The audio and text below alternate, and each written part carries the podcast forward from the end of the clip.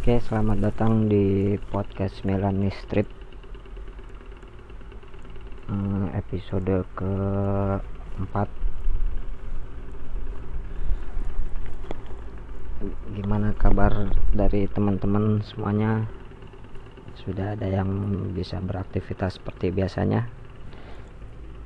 Atau masih dirumahkan oleh perusahaan-perusahaan atau kantornya ya? Ya gue berharap sih semoga uh, kondisi ini bisa balik lagi kayak dulu sih ya. Ya ngomongin kondisi sekarang sih udah banyak juga sih yang beraktivitas kayak biasanya juga. Kayak gue lihat di jalan-jalan atau di pasar di mana pun bahkan di mall tuh udah banyak toko atau pedagang-pedagang yang udah mulai buka lagi coba nyari rezeki lagi sih. Kayak di Jakarta contohnya kan uh, udah beberapa mall itu udah mulai buka sekarang. Walaupun ya mungkin belum banyak pengunjungnya sih ya. Nggak tahu juga sih ada kesibukan masing-masing mungkin. Jadi belum bisa ngunjungin mall karena kan emang ya nggak tahu juga sih. Setelah diterapkan kemarin ada kebijakan-kebijakan dadakan kalau gue bisa bilang. Emang semuanya tuh kayak ngerasa punya kehidupan yang beda aja sih.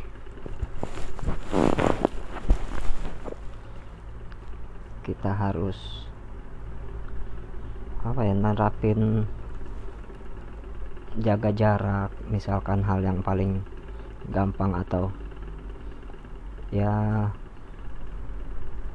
diusahakan pakai masker setiap mau keluar rumah ataupun mau aktivitas ya nggak tahu juga sih sampai kapan kan. Karena kalau kita ngomongin penyakit misalkan karena gue juga nggak terlalu paham bukan nggak apa nggak nggak relevan juga sih. Gue bukan orang yang ahli di bidangnya itu. Oke uh, masuk ke info mungkin ya. Kalau gue bisa nyebutnya ada beberapa info. Tuh yang menurut gue menarik. Sini gue dapat sebuah artikel. Mungkin kalau dari teman-teman yang uh, sering nonton atau suka banget sama sinetron Sidul Sidul anak sekolahan. Ini ada sebuah fakta yang menarik yang gue dapat sorry. Itu misteri Sidul anak sekolahan musim 5 yang tak pernah ditayangkan di mana-mana lagi. Ya kalau emang lu sering ngikutin gitu ya sinetron Sidul dari uh, episode 1 sampai episode ke berapa sih hari sekarang? Ah yang terakhir maksud gua. Untuk di sinetron mungkin lu ya udah paham lah jalan ceritanya kayak gimana terus adegan-adegannya sampai uh, dialog-dialognya. Cuman kalau lu pada uh, perhatiin gitu untuk uh, sinetron Sidul Anak Sekolahan ini yang secara keseluruhan itu sudah tayang selama 7 musim widih. Ke Liga Sepak Bola ya. Itu kan awalnya ada di Indosiar terus dibeli hak siarnya sama eh sorry sorry yang awalnya dari RCTI terus uh, dibeli hak siarnya ke Indosiar itu menurut uh, pengamat persinetronan di Indonesia. Itu kan uh, yang di RCTI itu hanya sampai musim 1 sampai musim 5 kalau nggak salah eh musim 1 sampai musim 4 sampai musim 4 kemudian dibeli hak siarnya oleh Indosiar dari musim 5 sampai 7 nah yang menarik itu kalaupun ada apa pemutaran ulangnya di RCTI ya sekarang ya lagi ditayangin lagi itu ada musim yang tidak pernah ditayangkan yaitu musim kelima. Jadi kalau lu setiap hari itu mungkin saat ini gak tahu musim keberapa sih yang ditayangin. Itu dari musim keempat tiba-tiba besokannya pas uh, ada lagi langsung ke musim keenam. Gitu jadi ada yang lompat episodenya.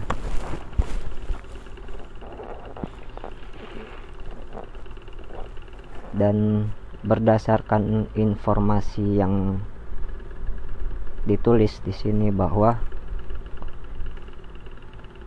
untuk uh, file master film tersebut Filemaster Sidul Anak Sekolahan yang musim kelima itu rusak dan pihak Karnas Film sebagai penyedia rumah produksi sinetron Sidul Anak Sekolahan tidak memiliki backup filenya. Jadi totalnya musim 5 Sidul Anak Sekolahan itu ada 33 episode dan semuanya itu rusak semuanya ya kemungkinan memang nggak bisa diselamatkan sih kalau udah rusak.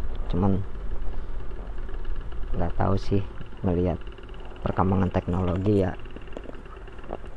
mudah-mudahan bisa diselamatkan dan bisa ditayangin lagi untuk musim yang kelima ini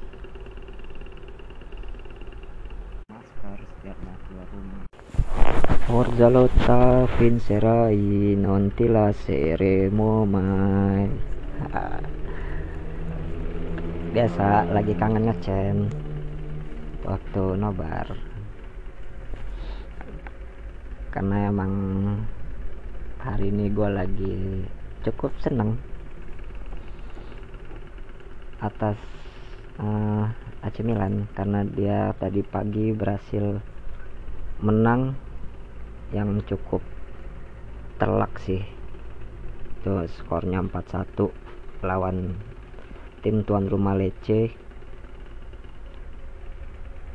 Yang secara apa ya? Secara permainan sih agak jauh dari Milan. Ya melihat pertandingan tadi malam sih cukup menghibur. Yang melihatnya ada kemungkinan masih bisa apa ya bersaing sih untuk mewujudkan cita-citanya Milan selama 10 musim terakhir itu masuk lagi ke zona Eropa.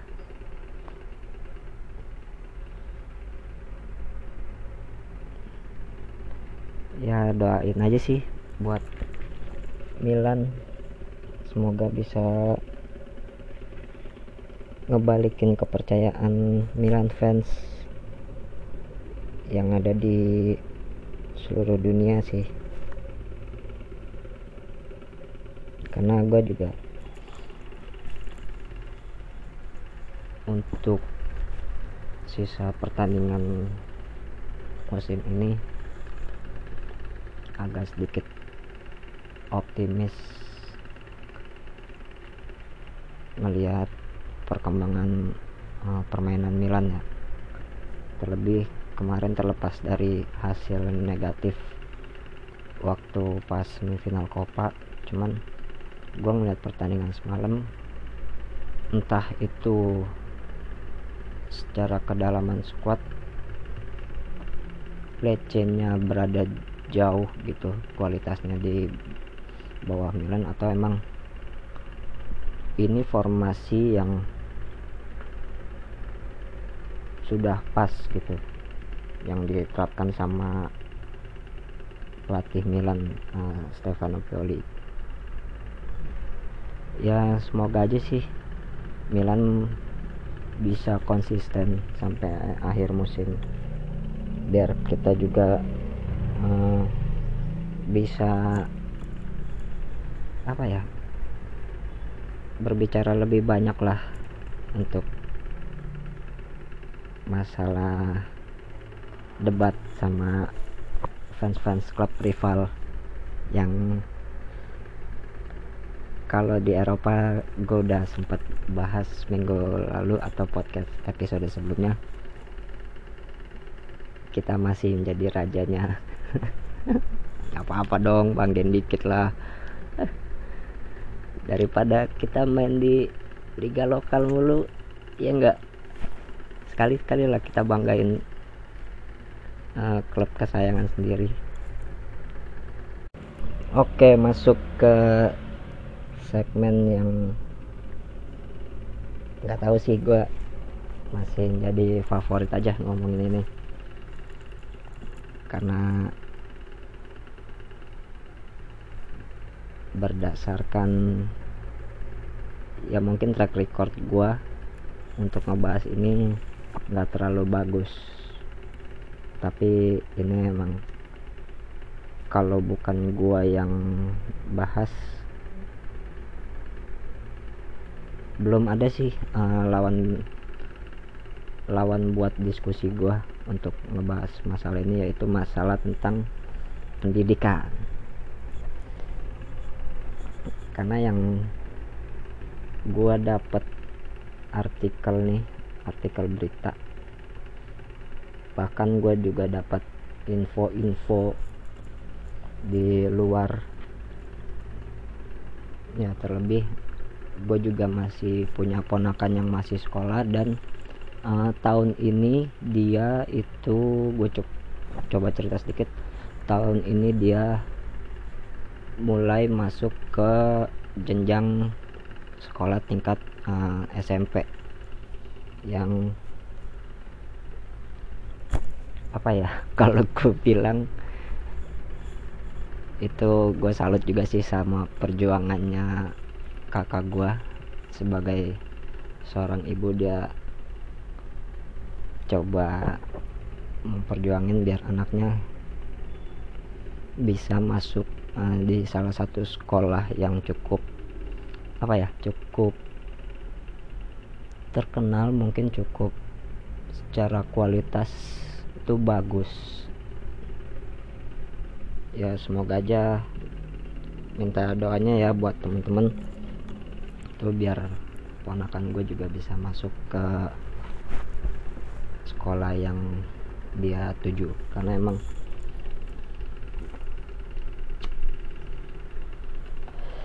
ngelihat kondisi hari ini itu uh, terkhususnya masalah pendidikan masih banyak apa ya simpang siur sih mengenai kebijakan-kebijakan ataupun uh, penerapan-penerapan cara belajar mengajar di sekolah. Karena dari info yang gue dapat dari orang-orang yang saat ini lagi berjuang buat ngedaftarin anaknya untuk masuk sekolah ke tingkat lanjut. Itu banyak keluhan-keluhan terkait adalah PPDB yang di sini cukup apa ya kaget juga sih gua dengar peraturan atau kebijakannya. Karena kebijakan ini kan dikeluarin pada saat kemarin uh, ada pandemi. Jadi selama dua bulan itu kita kan disuruh untuk aktivitasnya dikurangin di luar rumah dan setelah pandemi ini selesai tiba-tiba ada kebijakan baru mengenai pendidikan yaitu untuk siswa yang mau masuk ke jenjang tingkat lanjut itu ada beberapa jalur untuk cara mendaftarnya. Uh, sebenarnya sih dari tahun ajaran lalu kalau gua nggak salah untuk masuk ke SMP lah misalkan atau SMA itu emang ada kebijakan baru. Yaitu ngeliat dari tempat tinggalnya mereka atau uh, apa ya zonasi lah bahasa dari merekanya cuman selama beberapa hari terakhir atau beberapa bulan terakhir ya dua bulan yang kemarin lah itu muncul kebijakan baru. Yaitu ada beberapa apa ya beberapa tahapan yang dikeluarkan oleh Mendikbud itu ada beberapa kategori. Yang pertama adalah zonasi terus yang kedua jalur afirmasi yang ketiga itu jalur prestasi yang keempat perpindahan orang tua atau guru. Jadi banyak yang mengeluhkan untuk kebijakan yang baru lahir dua bulan kemarin. Masalahnya emang kalau gua coba analisa ya itu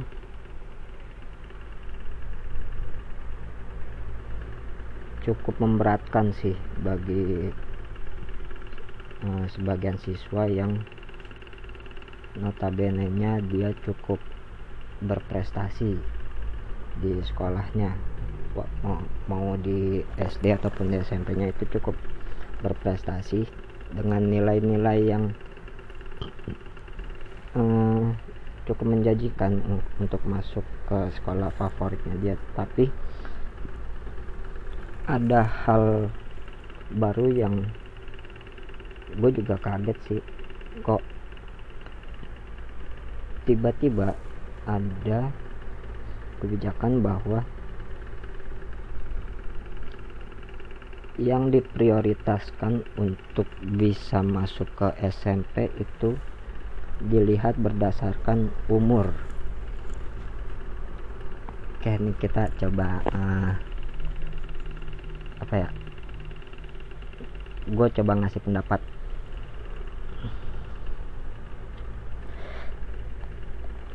kalau uh, misalkan ada dari temen lu atau dari keluarga lu yang mau masuk ke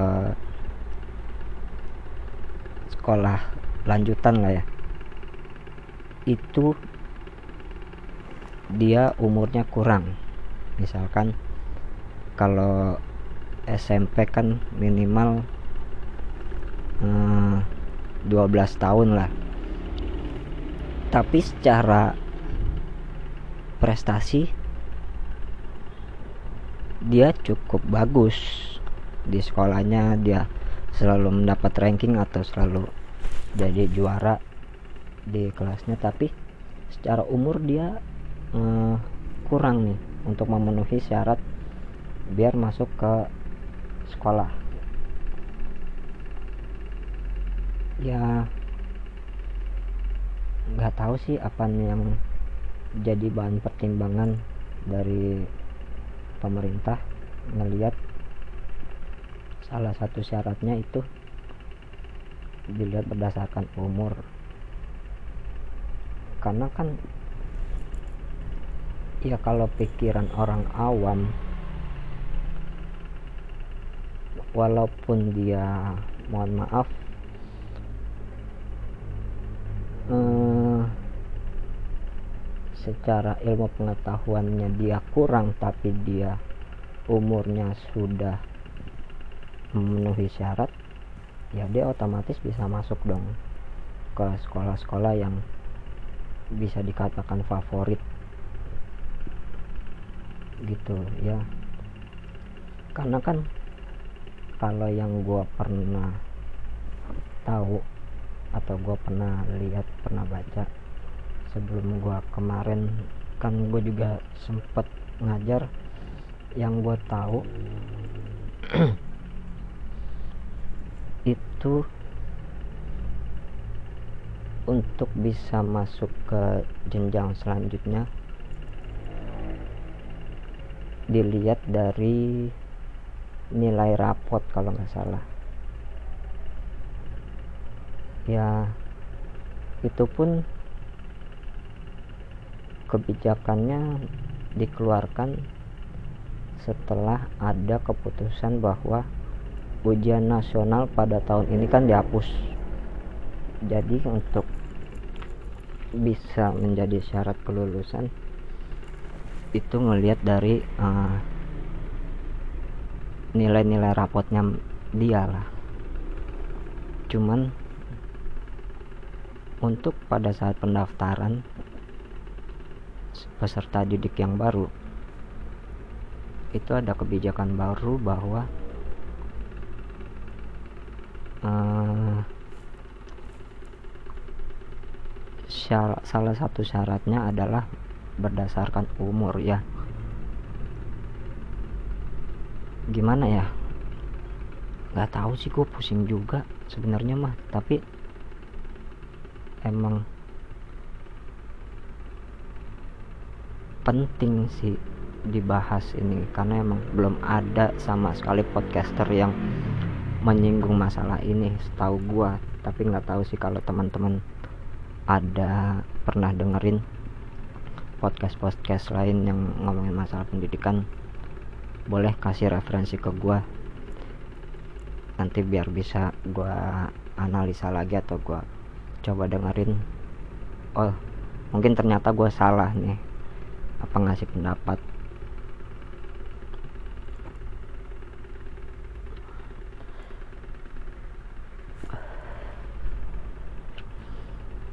Apalagi kan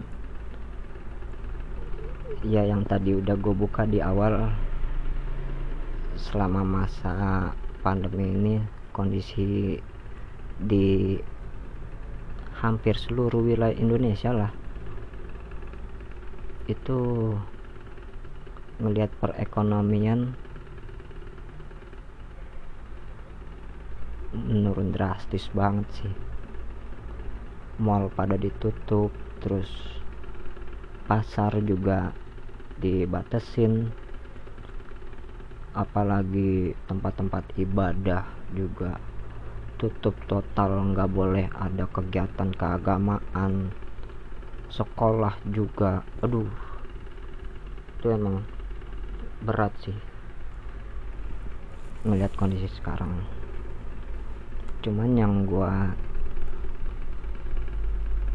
cukup miris sih nggak tahu sih pertimbangan dari pemerintah gimana tapi kalau gua ngelihatnya kenapa mall itu boleh beroperasi kembali tapi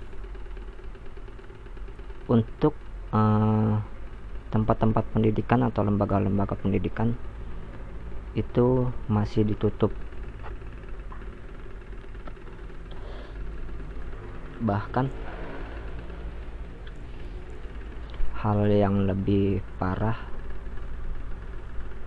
itu bakal diperpanjang untuk menutup sekolah sampai uh, Desember tahun ini sih. Ya gue ngelihatnya miris sih yang notabene nya pendidikan itu menjadi suatu hal yang penting untuk kemajuan negeri atau suatu negara. Tapi kenapa hari ini dibatasin gitu?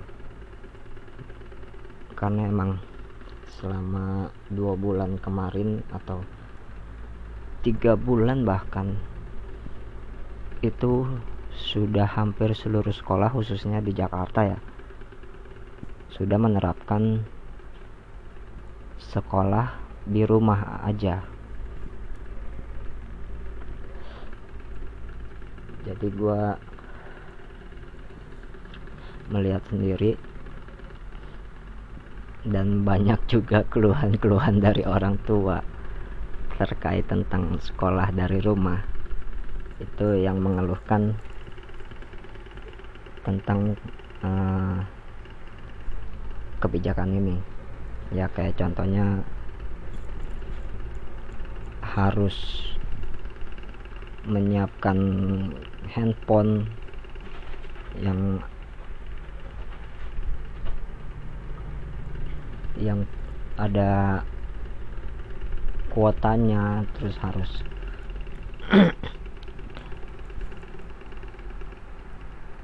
ngajarin lagi orang tuanya buat ngejelasin lagi ke anaknya. Dia itu cukup banyak juga sih keluhan-keluhan. Aduh walaupun gue belum menjadi orang tua tapi gue juga ngerasain wah gila susah banget. Gue aja yang uh, pernah ya pernah berkecimpung di dunia pendidikan itu emang sorry kalau ada suara-suara aneh itu dari suara kucing gua. Yang emang agak bandel. Hai coy. Ya gue lanjut. Ya sebagai orang yang pernah uh, berada di lingkungan pendidikan emang cukup sulit sih. Yang pernah gue ceritain di episode-episode sebelumnya itu nggak gampang untuk ngajarin satu anak buat bukannya ngikutin kemauan kita sih tapi mahamin apa yang kita maksud ke mereka. Itu susah banget. Ini orang tua dia cuma ngajarin satu anak kandungnya dia. Gimana nasib guru-guru yang ada di Indonesia dengan tanggung jawab yang uh dibilang pengabdian mah mereka cukup militan lah terhadap dunia pendidikan. Orang tua baru ngajarin satu anaknya dia aja itu udah kerepotan gimana. Guru-guru yang setiap hari mereka selama tiga tahun bahkan itu ngajarin ratusan atau ribuan anak yang karakter kepribadiannya setiap anak itu kan beda-beda.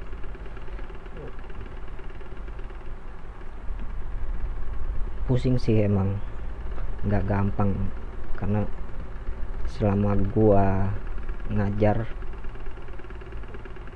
ada kurang lebih tiga tahun sih. Itu udah banyak banget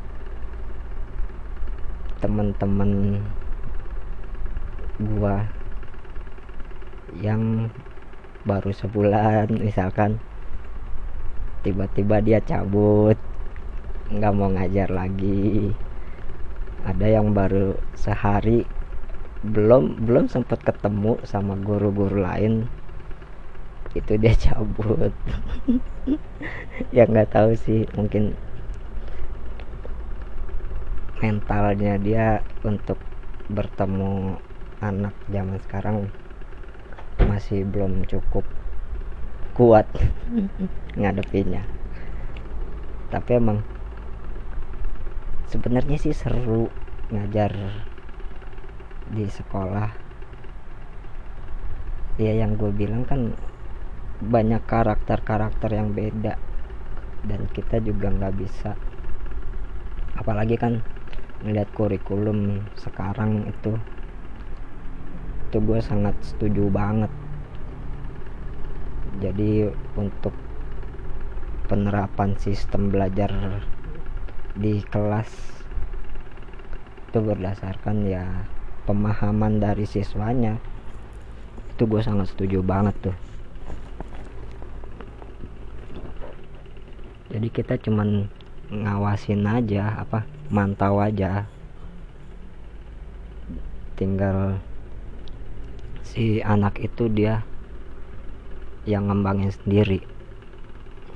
Kita misalkan ngasih satu umpan nih ke mereka materinya tentang ini.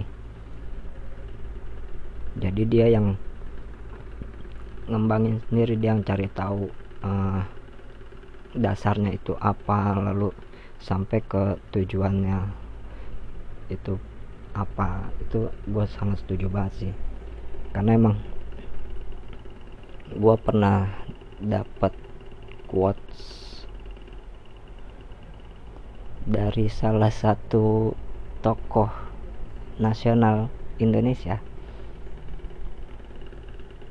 Nggak tahu sih sekarang uh, lo pernah lihat atau pernah baca itu kalau kebiasaan menghafal itu sudah nggak relevan lagi untuk kita terapin di sistem pendidikan hari ini. Ya gue juga ngerasain itu karena nggak selamanya kita bisa uh, maksain anak itu untuk ngikut apa yang kita mau. Tapi dia juga punya pola pikir. Dia juga punya uh, pemahaman sendiri.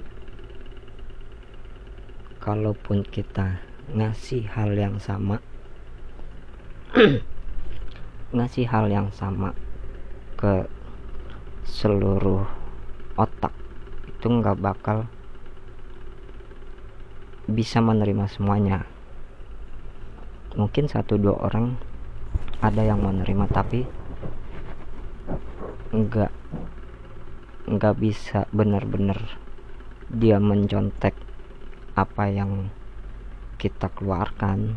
Pasti ada satu dua uh, hal yang di upgrade sama dia yang dikembangin. Kita ngasih satu kata aja misalkan kata uh, kami misalkan itu kan maknanya luas. Kalau kita baca di buku KBBI Kamus Bahasa Indonesia itu kan maknanya luas artinya. Jadi nggak nggak bisa kita setarakan untuk mengikuti maunya kita.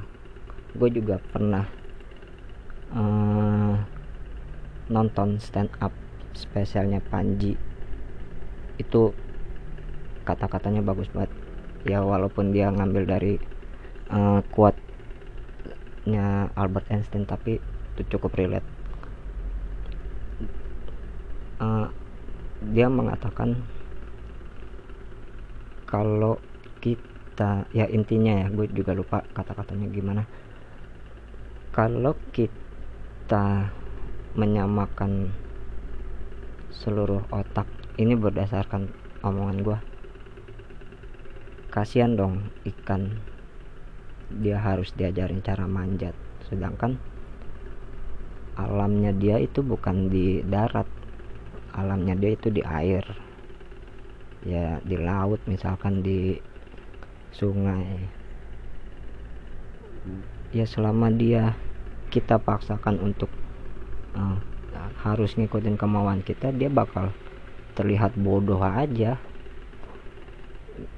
kalau misalkan nih uh, ada salah satu anak dia nggak suka sama komputer. Tapi kita harus paksa dia untuk bisa belajar komputer yang nggak bakal nggak bakal apa ya nggak bakal maksimal apa yang kita kasih ke dia. Kalau dia nggak bisa atau nggak minat ya selamanya dia nggak bakal maksimal sih. Kalau kita ngasih yang ada dia malah uh, jadi benci sama pelajaran komputer. Ya situ sih. Untuk uh, apa yang udah gua utarakan. Alah kayak mau nembak ke cewek aja gua. Ya keresahan-keresahan gua lah mengenai beberapa hari terakhir atau ya gue juga cukup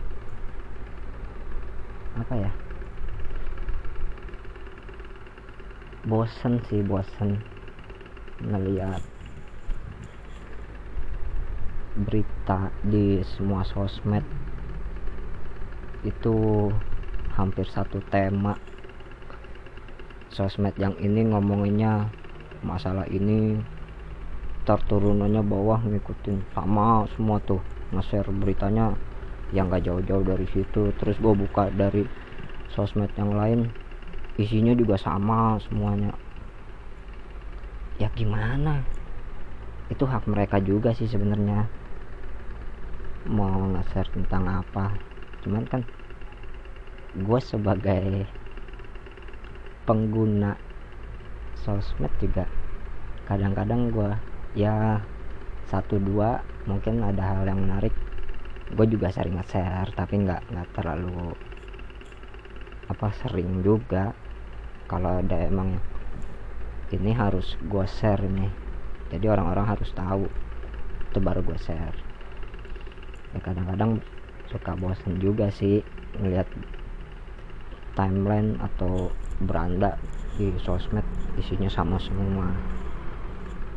Cuman ya hak balik lagi ke itu kan sosmed akunnya mereka pribadi atau mungkin ada akun-akun yang khusus untuk nge-share tentang berita ataupun info. Ya sah-sah aja sih. Namanya juga sosmed. Ya bebas aja lu mau nge-share tentang apa lu mau nge-share pada saat lu lagi di mana pada saat lagi ngapain ya terserah aja. Karena kan gue juga cukup uh, menggunakan sosmed. Itu cukup lama juga. Kalau gua ngeliat itu pertama kali gua seingat gue ya seingat gua itu gua main sosmed. Itu tahun 2006 atau 2007 sosmed gua pertama kali kan dulu masih zaman zamannya Friendster.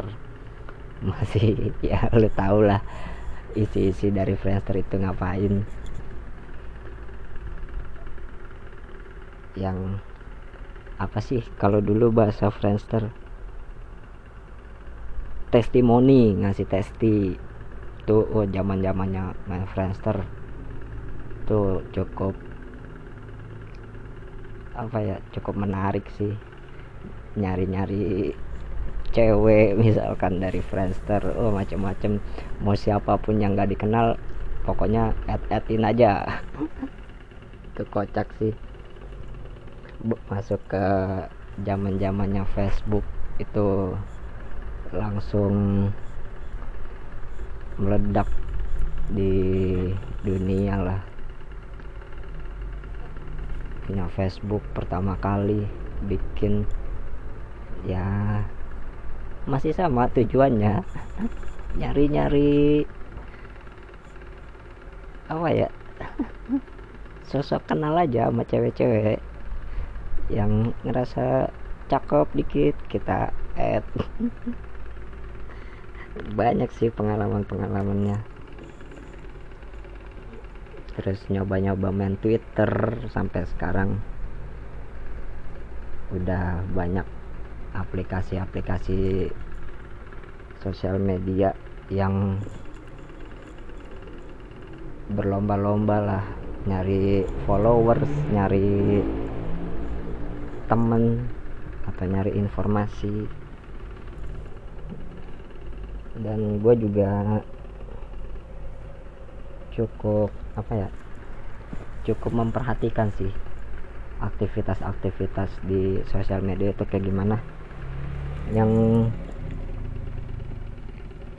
gue perhatikan itu ngeliat dari ini pendapat gue pribadi tipikal-tipikal jenis akunnya sih. Jadi yang gue coba bahas di sini ada beberapa tipikal akun. Ada macem-macem lah. Ada akun-akun artis misalkan. Ya semua artis mungkin hampir sebagian besar itu punya akun. Ya gue coba coba ngambil contohnya di Instagram. Instagram itu media untuk kita juga bisa berekspresi sih. Banyak banyak info yang bisa kita dapat banyak uh, berita-berita yang bisa kita dapat. Itu dari Instagram.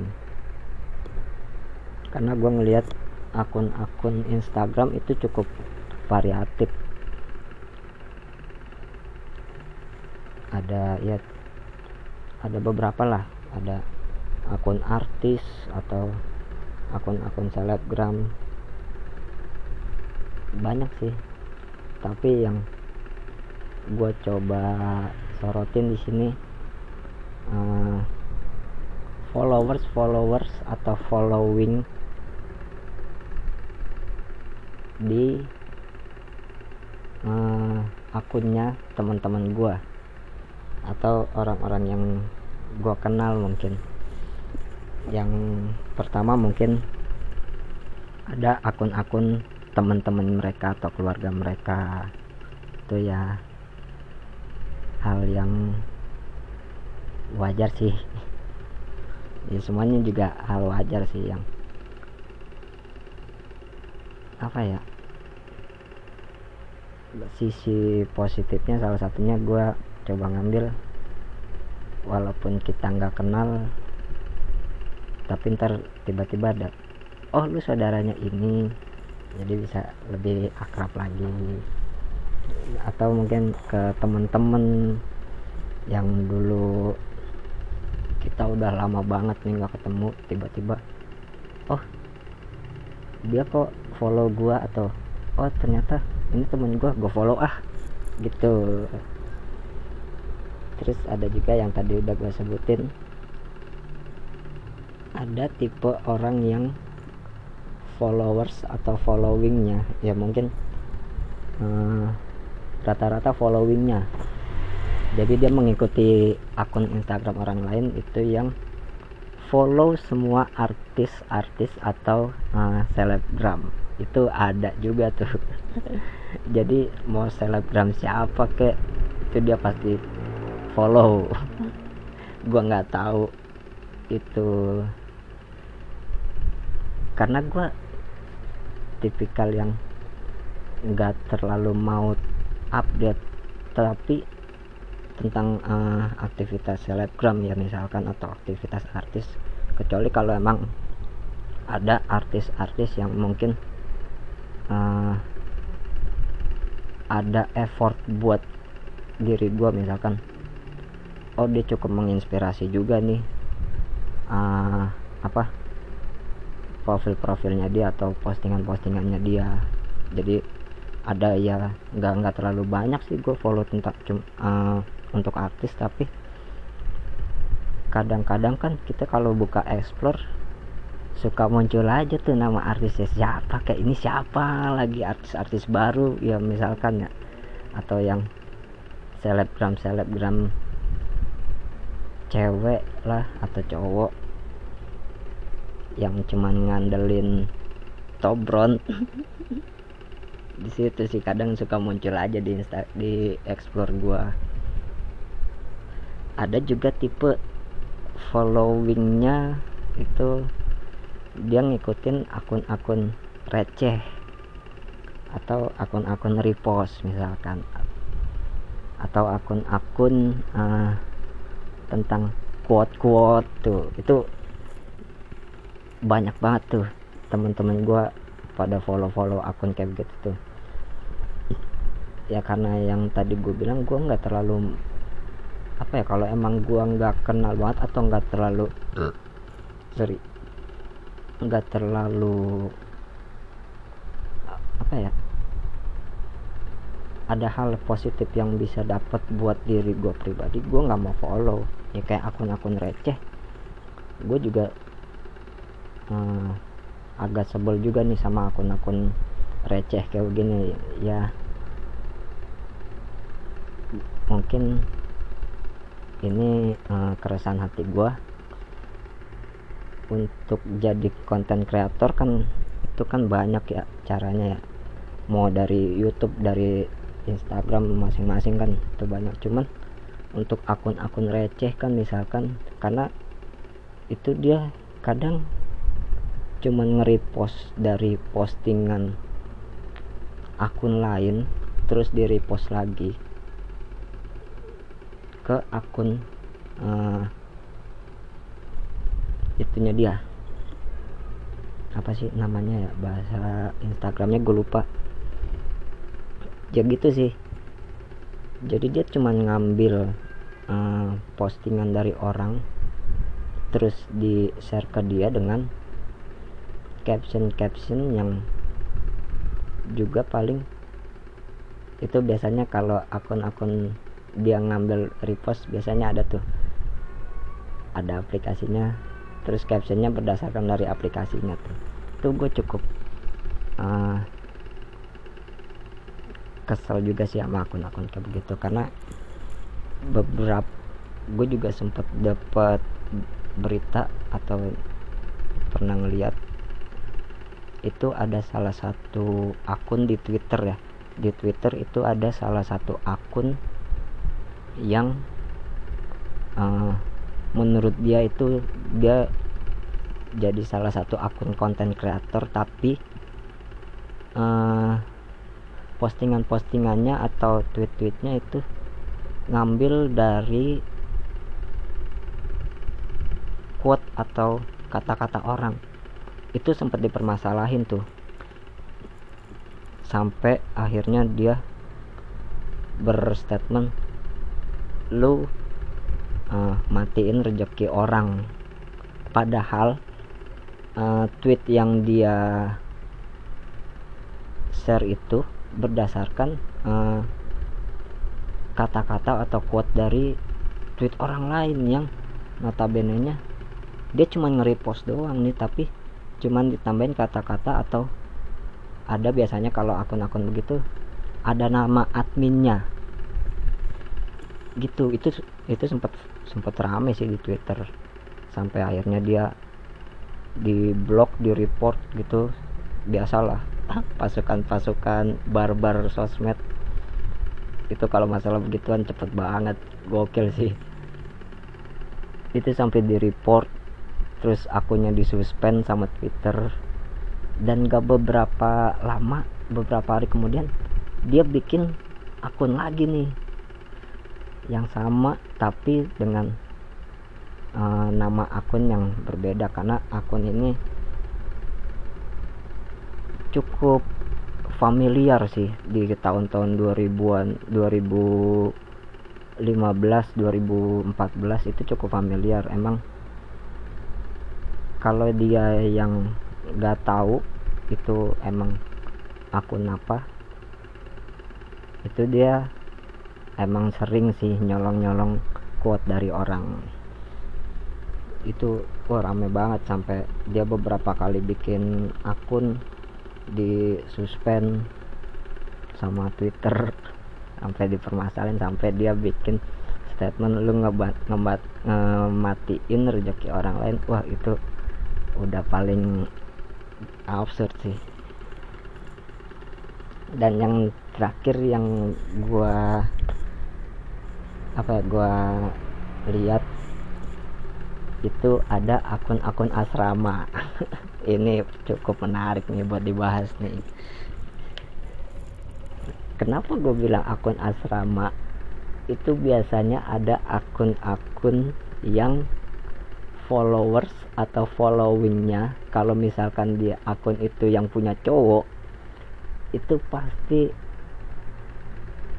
ada akun-akun yang di follow sama dia atau dia uh, di ada orang lain yang follow dia atau dia ngefollow orang? Aduh gimana sih bahasanya? Dia ngefollow orang atau dia di follow sama orang? Itu akun-akun kalau yang cowok akun-akun cewek-cewek semua tuh. Itu tuh yang gue bilang kategorinya akun asrama. Gitu juga sebaliknya. Ada akun misalkan kalau yang punya cewek dia ngefollow akun-akun cowok ganteng misalkan. Itu mau dia kenal mau enggak pasti semuanya di follow itu tuh namanya akun-akun asrama. Banyak sih tipikal-tipikal uh, followers atau following di sosmed. Ya cukup menarik buat gua secara pribadi ngebahas ada banyak hal-hal unik juga. Ya mungkin segitu aja sih untuk podcast hari ini. Udah hampir satu jam juga ngebahas ya apa yang ada di pikiran gua dan apa yang menjadi keresahan gua. Ya kalau emang misalkan lu ada saran gua mau ngebahas apa lu bisa komen nanti gue bakal share di akun pribadi gue karena emang untuk mil, podcast Milani Strip itu dia belum punya Instagram. Ada sih sebenarnya Instagramnya tapi uh, khusus untuk konten creator yang lain. Jadi akun itu bukan untuk nge-share podcast gue tapi untuk apa karya-karya gue yang lain. Ya kalau emang lu ada punya saran atau kritik misalkan ya lu boleh DM ke gue di Instagram atau di Twitter. Itu nama akun gue at wali Abu Bakar. Itu W A L L I E Abu Bakar. Untuk di Twitter sama di Instagram. Ya hmm, sekian dari gua Wali. Tetap jaga kesehatan jaga kondisi dan terus berkarya